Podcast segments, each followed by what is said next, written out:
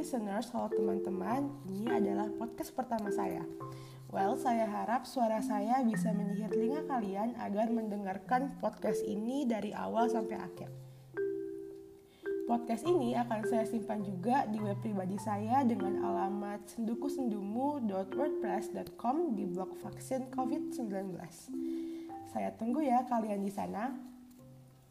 First of all, gak mungkin kan gak ada yang tahu tentang apa yang sedang terjadi di seluruh dunia saat ini. Yes, COVID-19 pandemic atau pandemi COVID-19. Seperti yang kita tahu, virus corona ini muncul pertama kali di kota Wuhan, Cina pada 1 Desember 2019 yang lalu dan ditetapkan menjadi pandemi COVID-19 oleh World Health Organization pada tanggal 11 Maret 2020. Nah, ingat gak sih saat itu kita semua masih melakukan kegiatan seperti biasa. Namun, kasus COVID-19 di negara kita tetap meningkat dan menyebabkan pemerintah menetapkan PSBB pada tanggal 24 April 2020. Nah, dari situ kita mulai karantina mandiri, sekolah dari rumah, work from home, menetapkan protokol kesehatan, yaitu menjaga jarak, memakai masker, mencuci tangan, menjauhi kerumunan, dan mengurangi mobilitas. Well, dalam keadaan seperti itu dan sampai sekarang bisa kita bilang gak ada yang baik-baik aja kan? Tapi harapan kita untuk keluar dari situasi seperti ini mulai bangkit lagi saat pemerintah mengumumkan vaksin CoronaVac buatan perusahaan farmasi asal Cina, Sinovac Life Science.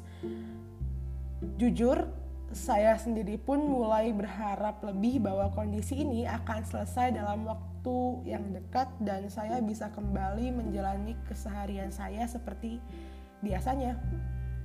Dan saya yakin saya tidak sendiri dalam dalam merasakan hal seperti ini dosis pertama vaksin telah disuntikan kepada Presiden Joko Widodo pada hari Rabu tanggal 13 Januari 2021 yang lalu di lengan kirinya dan disiarkan langsung lewat cuitan akun resmi Twitter Presiden Joko Widodo, beliau mengatakan bahwa vaksin tersebut telah dinyatakan halal oleh MUI dan mendapat izin penggunaan darurat oleh BPOM.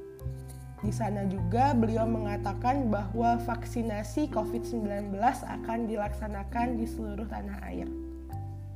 Nah, walaupun banyak pro dan kontra tentang vaksinasi ini, saya yakin kita bisa mengerti apa yang baik dan apa yang tidak dalam diri kita masing-masing.